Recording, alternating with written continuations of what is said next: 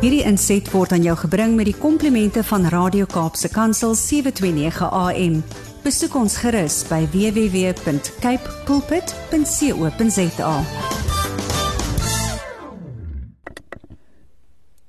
Goeiemôre luisteraars en baie welkom by ons laaste insetsel hierdie maand van Geestesgesondheid wat handel oor die mediese sielkunde. My naam is Gerda Kriel en ek kuier so lekker saam met julle al heel maand oor hierdie onderwerp. En vandag gaan ons dit huis toe bring. Vandag praat ons oor hoe jy as pasiënt jouself kan help deur te vra vir die regte behandeling wanneer dit kom by jou mediese toestand.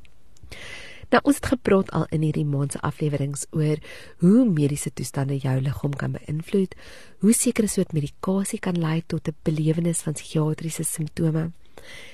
Maar dan wil ek vandag praat oor hoe jy as pasiënt met jou dokter kan praat oor jou simptome op 'n manier wat kan lei tot 'n verbetering in diagnose en hopelik 'n verbetering in behandeling.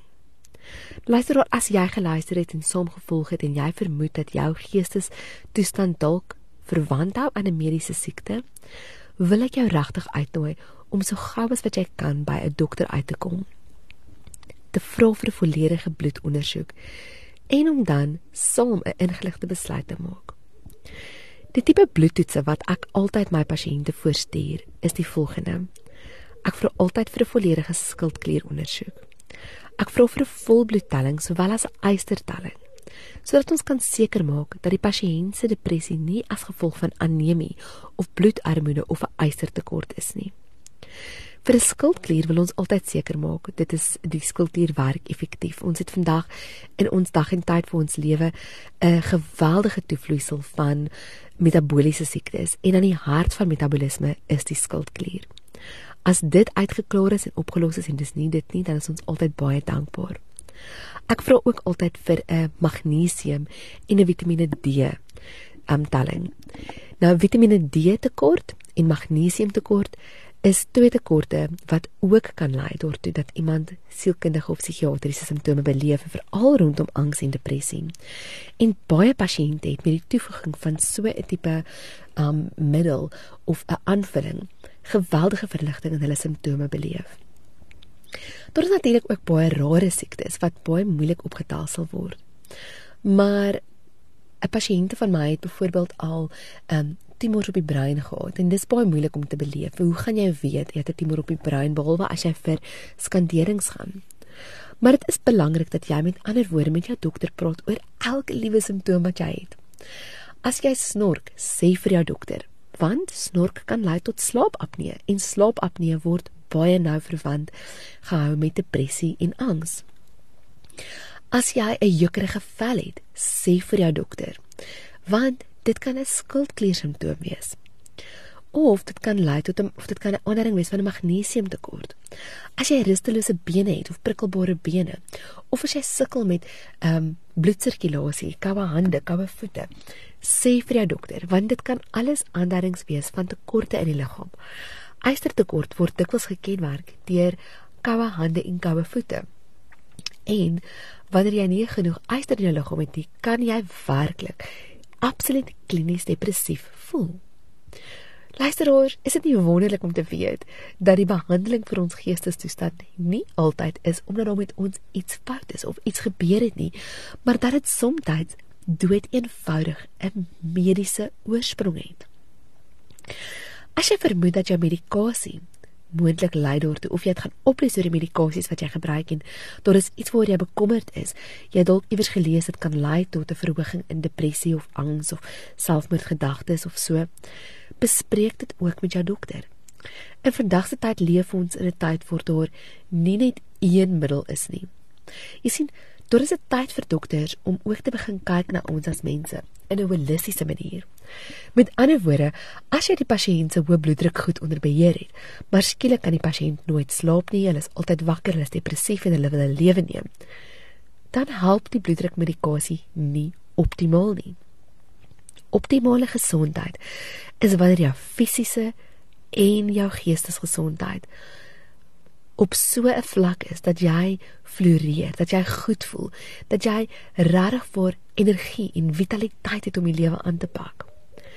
Daarom kan ons nie meer as verbruikers, as pasiënte terugsit en hoop dat ons dokters ons gaan behandel. Maar as die behandeling ons self siek maak, het ons nodig om 'n stem vir onsself te hê en 'n stem te gebruik en te sê dokter asseblief ek sien my bloeddruk is onder beheer maar hierdie ander simptoom is vir my onuithoudbaar ek weet nie of ek so kan leef nie. Vra altyd is daar dalk 'n ander middel wat ons kan probeer omdat ons in 'n tyd leef waar ons soveel opsies het en waar daar soveel wonderlike medikasie tot ons beskikking is mag ons altyd vra vir 'n ander medikasie Ja, selfs as jy op psigiatriese medikasie is. Daar is antidepressante wat kan lei tot metabooliese probleme en dit is belangrik dat jy met jou dokter praat oor enige bekommernis wat jy het wanneer dit by neeweffekte kom. Luisteraars, ek wil dit weer stel. Die tyd wat ons het om oor hierdie onderwerp te praat is so beperk dat hierdie insetsels nie bedoel is as absolute raad nie. Nee. Dit is bedoel om as 'n rigtingwyser daar te staan om jou te help om die regte raad en die regte advies te gaan soek en te gaan kry sodat jy optimaal kan leef. Dan wil ek vir jou ek sê luisteraars vandag het jy die verantwoordelikheid om na jouself te kyk. As jy voel jy is nie besig om optimaal te funksioneer nie, neem die tyd neem 'n tydjie uit jou werk uit. Jy mag, jy mag siekteverlof insit as jy nie emosioneel goed voel nie. Neem die tyd om te rus. Probeer waar jy kan onverwerkte kos te eet. Maak seker jy drink elke dag 2 liter water. Maak seker jy oefen elke dag.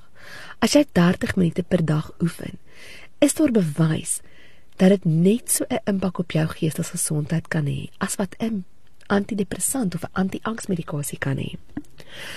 Ek wil dit nie vereenvoudig op hierdie manier nie, luister ons, maar ek wil hê jy moet verstaan dat daar is goed wat jy aktief kan doen aan jou eie geestesgesondheid. Wat 'n verbetering vir jou kan bewerkstellig. Nou luister ons, dit sou onverantwoordelik van my gewees het as ek nie hierdie inligting met julle gedeel het en vir julle verduidelik het op watter maniere julle self ook 'n bydrae speel in jou geestesgesondheid nie. Ek sê dit vandag om jou te bemagtig om uit te reik as jy raad nodig het. Stuur vir ons 'n e e-pos, maar luister goed.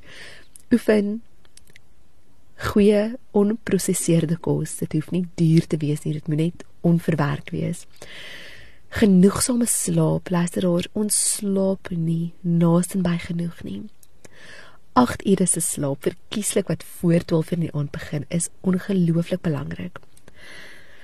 Ek neem met my pasiënte al hoe meer en meer 'n leefstyl inventaris op wanneer hulle my die eerste keer kom sien. Ons ondersoek slaappatrone, ons ondersoek hulle eetgewoontes, ons ondersoek hulle daaglikse gewoontes soos oefening, gebed, meditasie en ons maak dit vir hulle duidelik dat dit dinge is wat hulle kan doen om beter te voel. Dis eintlik so eenvoudig soos om terug te gaan na die mees eenvoudige boustene van lewe toe. Maar wanneer dinge kompleks raak, wil ek vir jou vra, kry professionele raad en kry professionele hulp deur middel van jou mediese dokter, deur middel van 'n sielkundige of 'n terapeut wat jou kan bystaan en vir jou meer inligting hieroor kan gee. Luisteraars, ons liggame is 'n wonderlike wonderlike geskenk van Vader om terwyl ons hier op aarde is, ons gees en ons siel en ons intellek in te huisves. Maar dit beteken nie ons moet dit afskeep nie. Die woord sê vir ons ons liggaam is 'n tempel van die Here. Nie ons gedagtes is 'n tempel van die Here nie, nee, jou liggaam. Dit beteken As ons die tempel onderhou, kan dit met ons net beter gaan. Ek sien te veel mense wat hulle liggame ignoreer en probeer om beter te voel emosioneel. Dis amper onmoontlik om emosioneel te genees as jy aanhou om jou liggaam te straf. So, wat jy self kan doen, is om self jou leefstyl aan te pas waar jy kan. Meer te slaap, onverwerk te eet, buitekant te kom, meer te beweeg en elke dag 30 minute te probeer oefen. Kry medikasie met so min as moontlik neeweffekte vir jou. Bou 'n vertrouensverhouding met jou dokter sodat jy kan praat as jy enige komplikasies of neeweffekte het.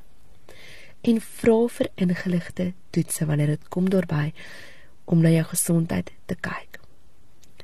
Luisteraars, ek hoop dat hierdie reeks vir iemand tot seën was en dat daar vandag iemand is wat meer beheer oor hulle liggaam en hulle gesondheid gaan neem om nie net hulle gesondheid agter mekaar te kry nie, maar ook hulle geestestoestand. Volgende week kerk in die ateljee, so stuur vir ons al julle vrae, julle kommentaar. Ek wil so graag hoor by julle luisteraars wat jou ervaring is en ook wat jou gedagtes oor hierdie onderwerp is. Baie baie dankie dat ek die voorreg het om saam met julle te kuier. Mag julle 'n gesonde en 'n geseënde week hê. Totsiens. Hierdie inset was aan jou gebring met die komplimente van Radio Kaapse Kansel 729 AM. Besoek ons gerus by www.cape pulpit.co.za.